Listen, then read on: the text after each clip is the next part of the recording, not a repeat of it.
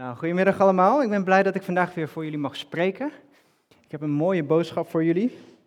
En we zijn vandaag in een reeks van toespraken. En deze reeks bestaat uit meerdere delen, die heet Vrijheid in Christus. En misschien heb je meerdere vragen over als je deze titel hoort, Vrijheid in Christus. Wat betekent dat? Wat betekent het voor mij? Wat voor vrijheid kan ik krijgen? Hoeveel kost het mij? Niet in euro's, want het is gratis. Maar het kost mij misschien een stukje van mijn eigen vrijheid om Christus vrijheid te mogen krijgen. En allerlei vragen heb je, maar we hebben daar twee hoofdvragen bij. Twee onderwerpen zou je kunnen zeggen. We gaan ongeveer acht keer spreken over dit onderwerp. En bij elke keer als er wordt gesproken, kun je deze vragen afstellen. De eerste is, waarom heeft Jezus het over praktische dingen uit mijn dagelijks leven, als hij het heeft over het koninkrijk van God? Het koninkrijk zit toch in de hemel? Daar gaan we toch heen als we doodgaan? Waarom heeft hij dan steeds over nu? En de tweede vraag is, als ik echt vrij wil zijn, wat is er dan wat mij tegenhoudt? Waarom ben ik nog niet helemaal vrij? Ik laat je een slide zien. Sorry, was je klaar met de foto? dit is een slide waarop je ziet van, hey, dit zijn de onderwerpen die gaan komen de komende weken. En je kunt zien aan de ene kant staat steeds het tegenovergestelde woord als aan de andere kant. We zijn nu bij nummer 3, 20 oktober. En de vorige keer hebben we gehad liefde. Wat is het tegenovergestelde van liefde? Dat is niet haat, wat heel veel mensen denken. Maar dat is onverschilligheid. Ik geef er niets om. Nou, bij deel 2 hebben we het gehad over waarheid en leugen. Daar heeft vrijheid ook mee te maken. Want als je echt vrij wilt zijn, moet je ook vrij zijn van de leugens die we hebben in ons hoofd, in ons hart. En vandaag ben ik aan de beurt en ik heb deze titel gekregen, Oordeel en Vergeving. Maar ik ben het niet helemaal eens met de titel, dus ik ga de titel veranderen. En uh, voordat ik dat ga doen, laat ik eerst een kort stukje zien van een filmpje. En daarin wordt het een en ander uitgelegd over het thema van vandaag. En daarna gaan we verder praten.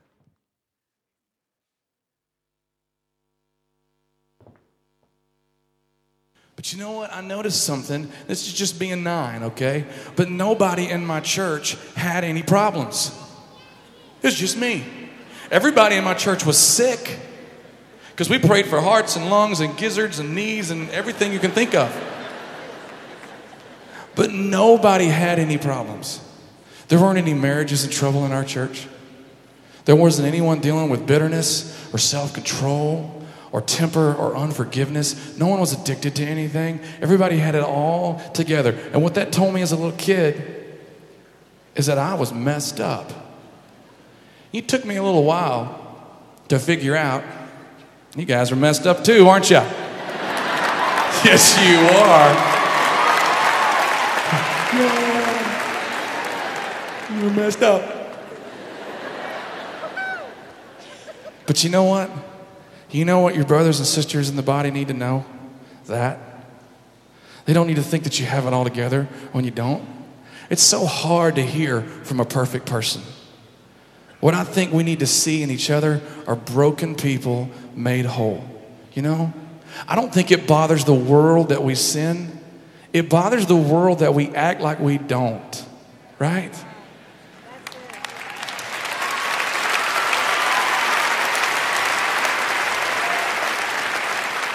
Get up here and I talk about my weaknesses. I talk about things. I didn't even mention the word dyslexia until I was 21 years old. And I'll talk to thousands of people every weekend about it because I understand finally that the last thing you need in your life is another hero. You just need to walk with Jesus. And the best way for you to walk with Jesus is to see what kind of losers he can change and the people that he can use, right? But, but, but we come to church, and this is just this is just me. Maybe you guys are rocking along. It's just me. Nothing but love, okay? But what I did as a kid is I, I turned into an adult that kept it all back here somewhere. It's kind of like I had a picture of what a solid believer looked like in my head. And I wanted to be him. That's not bad, is it? So I show up to church and I would be him. The problem was all the other stuff in my life that didn't fit that, I just kind of tucked it back here somewhere. And it kind of became a performance almost, you know? Making sure everybody knew that I was awesome Christian Mark guy. When I was probably sitting two or three seats away from somebody dealing with the same stuff I was, but I ripped myself off of the ministry and encouragement and prayer that the body of Christ can give each other. If we're not careful, church will become a, a performance, and it's just another stained glass masquerade. Dit was de introductie van een bekend lied dat, eh, dat heet Stained Glass Masquerade. Dat betekent een masker van heel mooi glas. Vroeger waren de maskers niet van papier, maar zouden ze van glas kunnen zijn. En dan bevind jij jezelf een heel lelijk iemand met een heel mooi masker. Over eh, de reeks waar we het vandaag over hebben, deze serie van al die preken, die heet de Beta-cursus. En eh, op je tafeltje zie je dus al een blaadje wat eh, dat een beetje uitlegt. Als je dat blaadje heel mooi vindt, dan is het mogelijk om daar eentje van te kunnen krijgen. En eh, achterin op de boekentafel vind je ook meer informatie over deze reeks. Vooral voor mensen die meer over het geloof willen weten. Nou, om te beginnen. Waarom denk ik dat, het, dat de titel van vandaag verkeerd is? De titel van vandaag is Oordeel versus Vergeving. En daarom moet ik eerst het woord oordeel gaan uitleggen. Een oordeel is eigenlijk iets heel simpel. Het is zoiets als, wat vind je van iets? Vind je het goed of vind je het fout? Nou, ik kan bijvoorbeeld Dirk Jan daar vragen van, hey, wat vind je van mijn shirt en mijn nieuwe broek vandaag? Hij kan zeggen, ja, vind ik wel mooi. Maar hij kan ook even vragen aan, ja, Marjan, wat vind jij daarvan? En misschien vindt Marjan van, nee, ik vind hem eigenlijk niet zo mooi. Hij is uh, te strak voor hem. maar daar is helemaal niks verkeerds aan. Iedereen mag vinden wat hij wil, het is niet goed of het is niet fout. Een oordeel gaat over iets serieuzers. En bij een oordeel gaat het over of iets goed is of goed fout, niet wat jij vindt. En daar heb ik een korte samenvatting van op de slide gezet. Nou, ik wil nog een woord duidelijk maken. En dat is het woord veroordelen. Die twee woorden worden heel vaak door elkaar gehaald, maar dat is wel heel belangrijk. Om je een voorbeeld te geven. Het makkelijkste voorbeeld dat ik altijd vind is, dat zie je ook heel vaak in films, als je een rechter hebt die met zijn hamertje staat en er is een persoon en die krijgt als eerste een oordeel. Ik oordeel dat de verdachte schuldig is. Of ik oordeel dat hij niet schuldig is. Dat is het punt nummer één. Goed of fout? Schuldig of onschuldig? Punt nummer twee is, als die schuldig is, dan komt er een tweede zin. Ik veroordeel hem tot 15 jaar gevangenisstraf. Nou, dus veroordelen is niet hetzelfde als oordelen. Maar de vraag die ik jullie wil stellen is, mogen wij oordelen? Mogen wij veroordelen over andere mensen? Nou, ik wil jullie graag het antwoord geven op deze vraag. Of 300 euro boete was dat. Laten we lezen uit de Bijbel, uh, uit een stukje dat Paulus heeft geschreven naar een stad die heet Korinthe in Turkije. Ik vind het totaal onbelangrijk hoe jullie of andere mensen mij beoordelen. Ik beoordeel mezelf ook niet. Ik denk zelf dat ik goed bezig ben. Staat het dan al vast dat ik een goed mens ben? Nee, want het is de Heer die mij zal beoordelen. Spreek dus geen oordeel over mij uit, maar wacht op de dag dat de Heer terugkomt. Hij zal zijn dienaren beoordelen. Hij zal onze daden bekendmaken en ook onze gedachten en bedoelingen die niemand kent. Hij zal alles beoordelen. Dan zal iedereen van God de eer krijgen die hij verdient. Nou, in de Bijbel, als je Paulus ziet, dan zie je dat er verschillende mensen zijn die verschillend over Paulus denken. Sommige mensen denken dat hij echt goed is, en andere mensen hebben een hekel aan hem. Zodanig zelfs dat ze hem willen doden. Paulus zegt ze van, ja, het maakt niet uit wat jij denkt over mij, er is maar één waarheid. Het maakt niet eens uit wat ik denk over mijzelf. Nogmaals, er is maar één waarheid. En God weet die waarheid. Want jullie kijken misschien naar mijn buitenkant. Misschien denken de mensen dat ik heel goed ben, maar ben ik van binnen helemaal niet goed. Maar God weet wat er in mijn hart zit en wat er in mijn gedachten zit. En of ik echt goed ben of niet. Echter, Paulus zegt hier niet dat oordelen niet belangrijk is. Hij zegt, het is wel belangrijk Alleen het is niet aan jullie mensen om te oordelen. Het is ook niet aan mij om te oordelen. Sterker nog, God vindt het juist wel heel belangrijk om te oordelen. Kijk maar, daar zegt hij het al. Jezus zal beoordelen. Jezus zal op een dag terugkomen voor een hele belangrijke dag. En dan gaat hij mensen meenemen en die brengt hem mee naar de hemel. En om mensen mee te nemen zal hij eerst moeten beoordelen. Wie neem ik mee? Dus Jezus zal een oordeel vellen. En daarom zegt Paulus, zoiets belangrijks, of iemand naar de hemel gaat of niet, daar mogen wij mensen niet over oordelen. Wat ik hiermee wil zeggen is, er zijn gewoon bepaalde situaties waarin wij niet het recht hebben om te kunnen oordelen. Maar het oordelen zelf aan zich is niet onbelangrijk. Een tweede reden waarom ik vind dat wij heel voorzichtig moeten oordelen. We mogen oordelen, maar heel voorzichtig. Stel, er is iemand die iets steelt. En wij hebben meteen als oordeel, oh, dat is een dief. Dat is een slecht persoon, want waarom houdt hij zich niet aan de wet? Ga gewoon werken, man. niet zo lui zijn en geld stelen. Maar het kan zijn dat zo'n persoon in een unieke situatie zit. Hij heeft echt geprobeerd te werken. Hij heeft geprobeerd te bedelen. Al dat soort werk heeft hij willen doen, is hij bereid te doen, maar het lukt hem echt niet. Misschien gaat het niet eens om hem, maar het gaat om zijn kind dat hij wil voeden. En zijn kind is ziek en dan moet hij nu wel. Ik ga iets stelen, ik ga het verkopen en met dat geld koop ik eten voor mijn kind en mijn vrouw, zodat ze beter worden. Is het stelen dan verkeerd? Misschien wel. Maar de mate waarin je oordeelt is al een heel stuk anders op zo'n manier. Als je voorzichtig oordeelt. En daarom praat Jezus dus ook over die balk in de oog.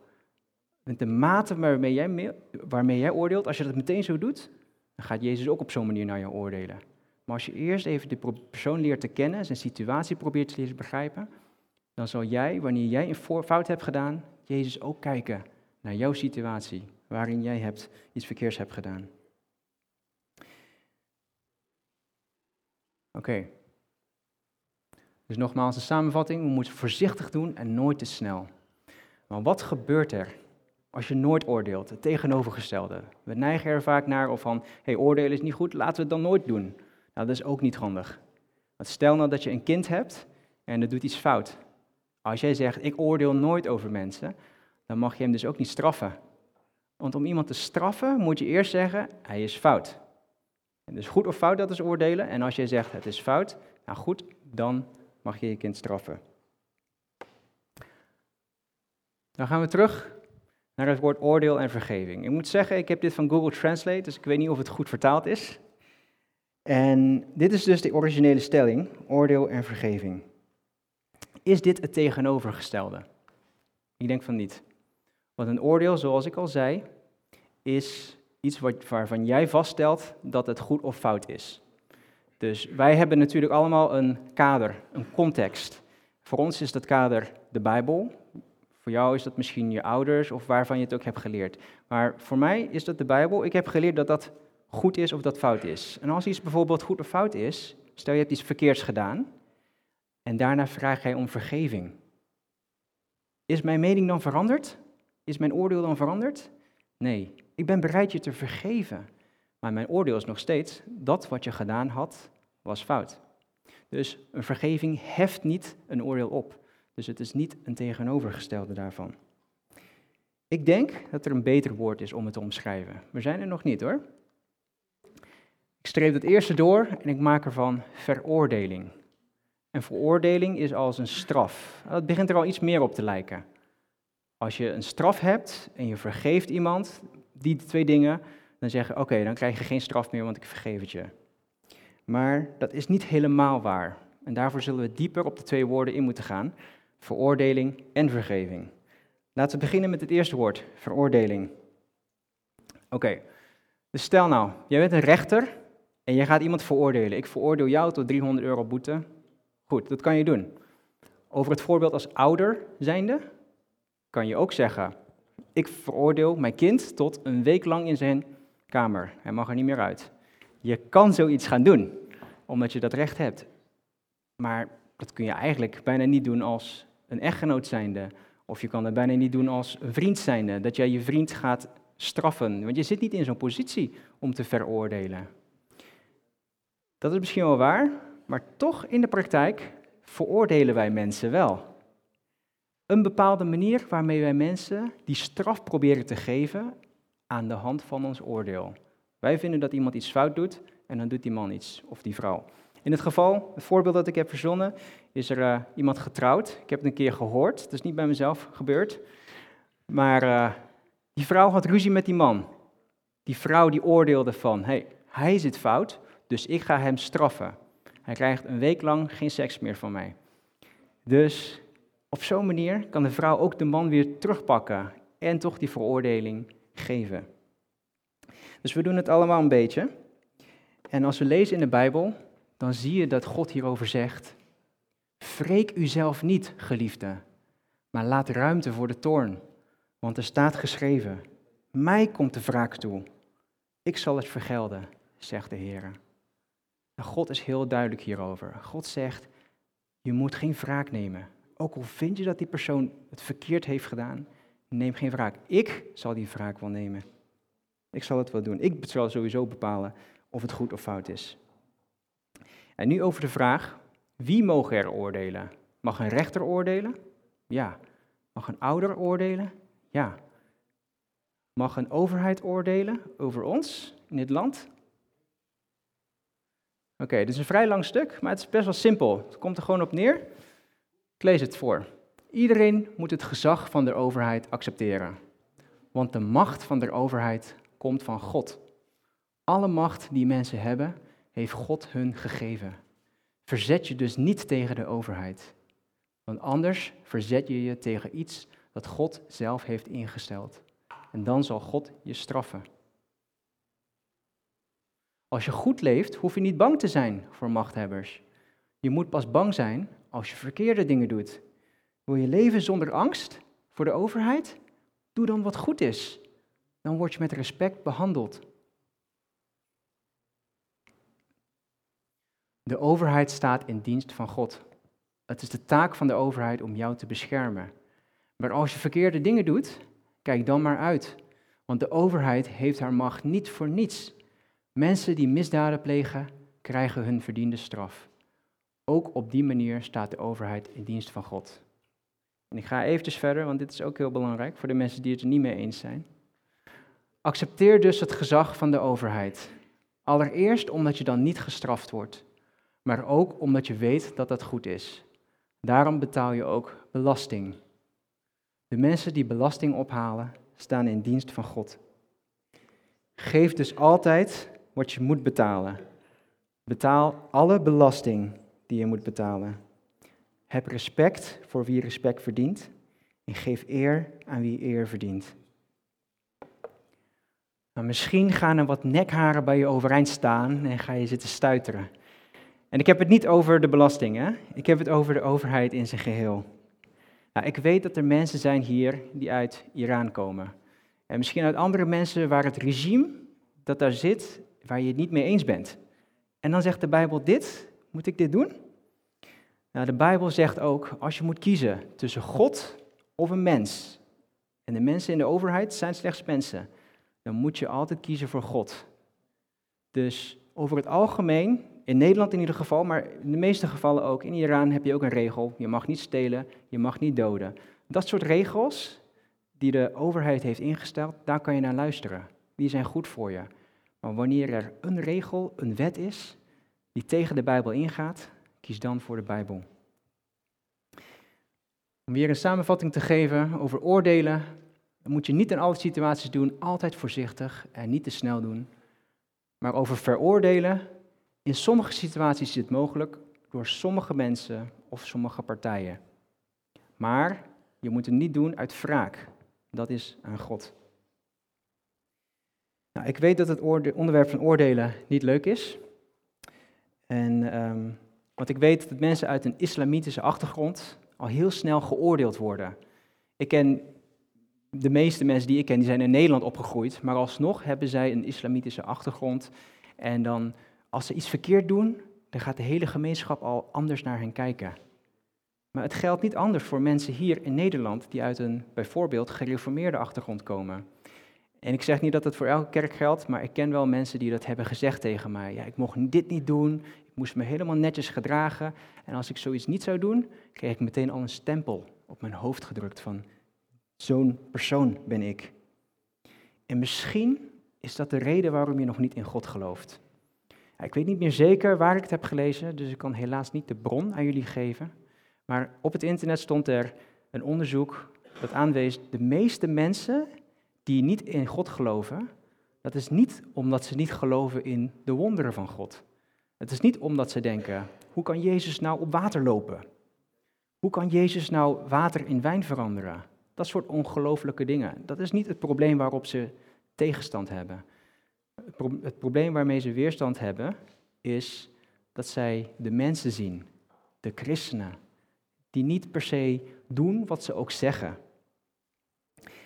En ik wil zeggen van, dat is niet wat de Bijbel zegt. De Bijbel zegt iets heel anders tegen ons. Wij mensen zijn allemaal imperfect. En daarom doen wij dingen inderdaad die niet altijd volgens de Bijbel zijn. Maar laat ik je aantonen wat er wel in de Bijbel staat. Stel dat iemand van jullie toch iets verkeerd doet. Dan moeten jullie hem op een vriendelijke manier helpen om weer het goede te doen. Pas ook op dat je zelf geen verkeerde keuzes maakt. En nog een vers dat erbij hoort. Daarom, wie denkt te staan, laat oppassen dat hij niet valt. Nou, als ik hierop ga staan, wat denken jullie nu van mij? Ik sta een stuk hoger dan jullie, toch? Of als het figuurlijk is, denk ik dat ik een heel stuk beter ben dan jullie. Maar het gevaar is, ik kan ook veel hoger vallen dan jullie en veel meer pijn hebben. Daarom wil God van, doe niet zo uit de hoogte. Denk niet dat je zo goed bent. En het tweede is, dat jullie in het vorige vers staan, zagen staan, is niet alleen dat het voldoende is om mensen te oordelen. Het is niet voldoende om te zeggen, hé, hey, jij doet het fout. Nou, wat schiet die persoon daarmee op? En dan geven die persoon een straf.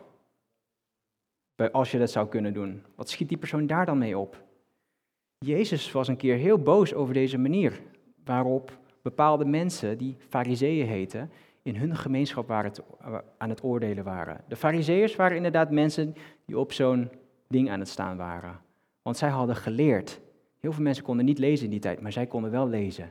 En zij konden ook de, de Koran, de, de Torah konden ze lezen. En ze kenden zelfs grote delen van de Torah uit hun hoofd. Dus Jezus was juist extra boos op hen. Want ze zeiden van, jullie zijn allemaal dingen aan het doen. Jullie zeggen tegen de mensen, je mag dit niet doen en je krijgt dat voor straf als je dat doet. Die mensen voelden zich allemaal zo schuldig en zo erg. En, kijken of ik het heb opgeschreven hier. Jezus die zegt daarna tegen hen, hou je wel aan wat de fariseeën zeggen, de wetten die ze je opleggen. Maar handel niet naar hun daden, want ze doen zelf niet wat ze jullie voorhouden. Ze bundelen, alle, ze bundelen alle voorschriften tot een zware last en leggen die de mensen op de schouders, terwijl ze zelf geen vinger uitsteken. Dat is dus het probleem.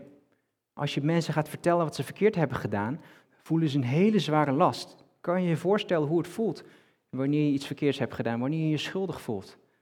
Dan moet je ook die mensen helpen. Hoe help je dan weer die last van hun schouders te halen? Nou, Elke donderdag hier in de Passie hebben wij Celebrate Recovery. Elke donderdagavond, helemaal gratis. En wat wij dan doen, is wij gaan niet mensen oordelen. Sterker nog, we hebben een groep, groepsregel waarin we zeggen het is verboden om je oordeel uit te spreken over mensen. Mensen komen hier om te praten over hun pijn, hun verleden. Ook de dingen die ze fout hebben gedaan. Hoe erg dan ook, wat voor verslaving ze ook hebben, het maakt helemaal niet uit. We zijn er niet om je te oordelen. Maar door de gesprekken die er volgen, komen mensen er zelf achter. Ze gaan, oordelen over zichzelf en ze komen erachter, dit is fout wat ik heb gedaan. Ik ben niet alleen maar een slachtoffer, ik heb zelf ook verkeerde dingen gedaan. Ik ben er schuldig aan. Maar wat moet je daarna doen? Moeten we daar zo laten? Hey, mooi dat je het hebt ontdekt. Nee, wij gaan verder. We gaan met ze praten. We geven ze een telefoonlijst. Ze kunnen bellen als ze in de problemen zitten. En een van de dingen waar we heel trots op zijn, dat staat al in de naam, celebrate. We gaan het vieren. Iedere keer als mensen kleine stapjes maken, Ook al is het maar een zwemdiploma of zo, of een veterstrikdiploma. Dan gaan we het vieren, want we zijn heel blij dat jij je best hebt gedaan om een stapje vooruit te gaan, om te veranderen naar je, van je oude ik en richting je nieuwe ik te gaan. En dat is hoe wij die mensen aan het steunen zijn. Oké, dus dit hebben we gehad, oordeel en vergeving, die hebben we doorgestreept. Veroordeling en vergeving, die gaan we ook doorstrepen. Dan komt er nog iets. Vanwege de tijd zal ik meteen overgaan naar verzoening en iets heel korts zeggen over vertrouwen. Je kan mensen vergeven, maar dat heft het oordeel niet op. Wat we gedaan hebben, blijft fout. En veroordeling, de straf bijvoorbeeld, dat gaat ook niet altijd weg. Mijn kind, Nathan, die heeft een keer iets verkeers gedaan. Hij heeft een andere jongen geslagen op zijn gezicht. En toen was ik boos op hem, maar ik heb hem vergeven daarvoor nadat hij sorry heeft gezegd. Maar toch krijgt hij straf, want hij moet het leren. Dus ook als ik mensen heb vergeven, kan de straf blijven. Wat er dan nog voor nodig is, is verzoening. Ik moet het ook weer goed maken met hem. Verzoening is echter ook niet altijd heel gemakkelijk. Laten we eerst even kijken naar een Bijbelvers en dan ga ik er wat over vertellen. 2 Korintiërs. Het is God die door Christus de wereld met zich heeft verzoend. Hij heeft het goed gemaakt met de wereld. Hij heeft de wereld haar overtredingen niet aangerekend. En ons heeft hij de verkondiging van de verzoening toevertrouwd. Kijk, in deze tekst staat er verzoening. En als je de verkeerde vertaling erbij neemt, zoals de Bijbel in gewone taal, soms vertaalt het niet verzoening, maar het vertaalt vergeving. Maar je ziet al, dat is iets anders. En God zegt tegen jou, ja, verzoening, vergeving moet je altijd doen. Vergeving is eigenlijk iemand haten. Sorry, sorry. Iemand niet vergeven is eigenlijk dat je die persoon nog steeds haat. Dat je nog steeds hoopt dat die persoon iets ernstigs overkomt. Maar als je die persoon vergeeft, dan heb je die haat niet meer in je hart. En God zei tegen, zegt tegen ons: Het maakt niet uit wat die persoon gedaan heeft tegen jou. Als hij jou gekwetst heeft, moet jij hem vergeven. Waarom zou jij haat dragen in jouw hart? Het helpt toch niet? Het helpt jou niet en het helpt die ander ook niet. Het helpt jou ook niet in je relaties. Maar verzoening is een volgende stap. Na vergeving komt verzoening. Verzoening is eigenlijk, jij steekt je hand uit om het weer goed te maken naar andere mensen. Begrijp, vergeving is van één persoon afhankelijk, dat ben jij zelf. Verzoening, ik kan mijn hand uitsteken, maar als die andere persoon niet zijn hand uitsteekt om het ook goed te willen maken, dan is verzoening niet mogelijk. Dus verzoening is, je probeert je hand uit te steken. Daartussenin heb ik nog een stap gezet. En dat is vertrouwen. Want ik snap dat het niet gemakkelijk is. Vergeving doe ik zelf, maar het goed maken met die persoon, ja, daarvoor heb ik wel wat vertrouwen nodig van die persoon. Nou, dit is waar gebeurd. Een oude vriend van me, die heeft geld gestolen van me. En ik vertrouw hem niet meer, omdat het best wel veel geld was. Ik vertrouw hem niet meer met de grote dingen in ieder geval. Misschien wel met kleine dingetjes of zo, die niet zoveel waard zijn. Maar vergeving is niet hetzelfde als vertrouwen. Die persoon moet wel even bewijzen dat hij in staat is om dat vertrouwen te kunnen geven aan je. Dat vertrouwen moet hij verdienen. Vergeving moet je schenken. Oké, wat erin staat is een heel mooi stuk. Waar zien we het woord vertrouwen? We zien dit als hier in het laatste stukje. Dus God heeft zich niet alleen maar verzoend met ons, hij vertrouwt ons ook weer. Twee stappen zitten daarin. En hij vertrouwt ons waarmee? Hij vertrouwt ons met de verkondiging van de verzoening. De verkondiging van de boodschap van de Bijbel. Stel nou dat je in de oorlog zit. En je ziet het heel vaak in films. In oorlog hangt het soms van één enkele boodschap af. Of de oorlog gewonnen gaat worden of niet. Die boodschappen zijn geheim. Die worden verstuurd of mensen moeten ze bijdragen en dan in een broekzak zetten of zoiets. Heel, heel geheim is dat. De oorlog kan gewonnen worden of verloren worden door het ontbreken of het aanwezig zijn van deze ene brief. Bij ons is het ook zo. Deze wereld bestaat uit een oorlog. Niet tussen landen, maar tussen de hemel en de hel. Wij zijn tegen de duivel aan het vechten. En deze oorlog die kan gewonnen worden door de Bijbel. De Bijbel is een kostbare boodschap. Want kijk maar, wat er gebeurt als je de Bijbel in de handen van de verkeerde mensen zet en de Bijbel verkeerd wordt voorgelezen. Dan gaan mensen dingen uit de Bijbel halen en ze gaan dingen in de Bijbel stoppen. En dan krijg je allerlei dingen die gebeuren waarmee de oorlog verloren kan worden voor ons. En daarom moeten wij de Bijbel goed bestuderen en gebruiken om deze oorlog te winnen. God heeft het ons toevertrouwd dat wij de juiste boodschap gaan doorbrengen, overbrengen. En daarom moet ik ook iets erbij zeggen dat er nog een ding erbij komt. En dat is betaling. Om weer, terug te gaan naar mijn vriend, die geld van me had gestolen. Ik heb hem met hem verzoend. Ik heb vertrouwen in hem. Klein beetje, nog niet helemaal. Maar ik ben weer vrienden met hem. En ik veroordeel hem niet. Ik had hem kunnen veroordelen in de zin van, uh, ik had de politie kunnen bellen of zo, zodat hij door de politie veroordeeld zou worden en in de gevangenis gestopt zou worden. Heb ik niet gedaan. Ik heb hem verzoend. Maar er blijft één ding over: dat geld dat hij had gestolen. Waar is dat gebleven? Heeft hij niet terugbetaald. Dus in principe heb ik ervoor betaald. Ik kan me verzoenen met hem wat ik wil, ik kan hem vergeven wat ik wil. Dat geld komt niet vanzelf terug. De betaling moet geschieden. Dat geldt altijd, of van hem of van mij. En nu, als we het over Jezus Christus hebben, geldt hetzelfde. Jezus Christus moet eerlijk zijn, want dat is hij. Hij liegt niet. En als hij eerlijk is over ons, hij is zijn oordeel al geveld. En het oordeel is heel simpel. Wij zijn schuldig. En hij zegt ons ook, heeft hij duidelijk in de Bijbel gezegd, dit is dan jouw veroordeling. De veroordeling die jij krijgt is dat je eeuwig lang niet meer samen met mij kunt zijn. Maar God wil ons vergeven en hij heeft het gedaan. God heeft ons vertrouwd. En God wil weer verzoening met ons. Dus dit is wat God doet. Hij heeft zijn hand al uitgereikt naar ons. Hij heeft Jezus al gestuurd. Dat was zijn hand al. En nu is het nog steeds in de wereld. Zijn hand kun je overal zien. En hij is aan het wachten op de tweede partij. Wil jij ook je hand uitrekken? Uitstrekken om zijn hand vast te houden. Ik wil graag bidden hiervoor. Lieve Heere God, dank u wel dat u degene bent die uw hand heeft uitgereikt naar ons. Het is niet andersom. Het is niet dat wij goede daden hebben gedaan en dat u zegt, nu mag je komen bij mij. Het is ook niet dat wij onze hand aan het uitreiken zijn, dat wij u hebben gekozen en dat u daarna uw hand uitreikt. Nee, uw hand was hier al op aarde vanaf het begin van de schepping.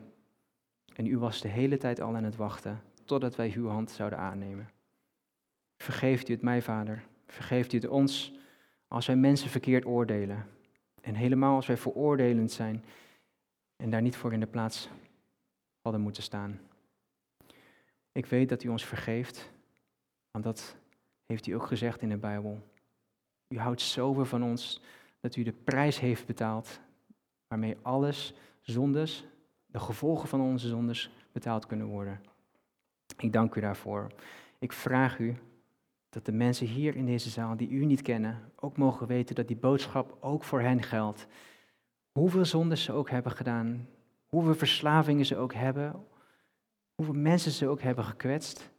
Het enige wat u vraagt is dat zij hun hand uitstrekken en naar u uitroepen dat u hen mag vergeven. Ik dank u hiervoor in de naam van Jezus Christus. Amen.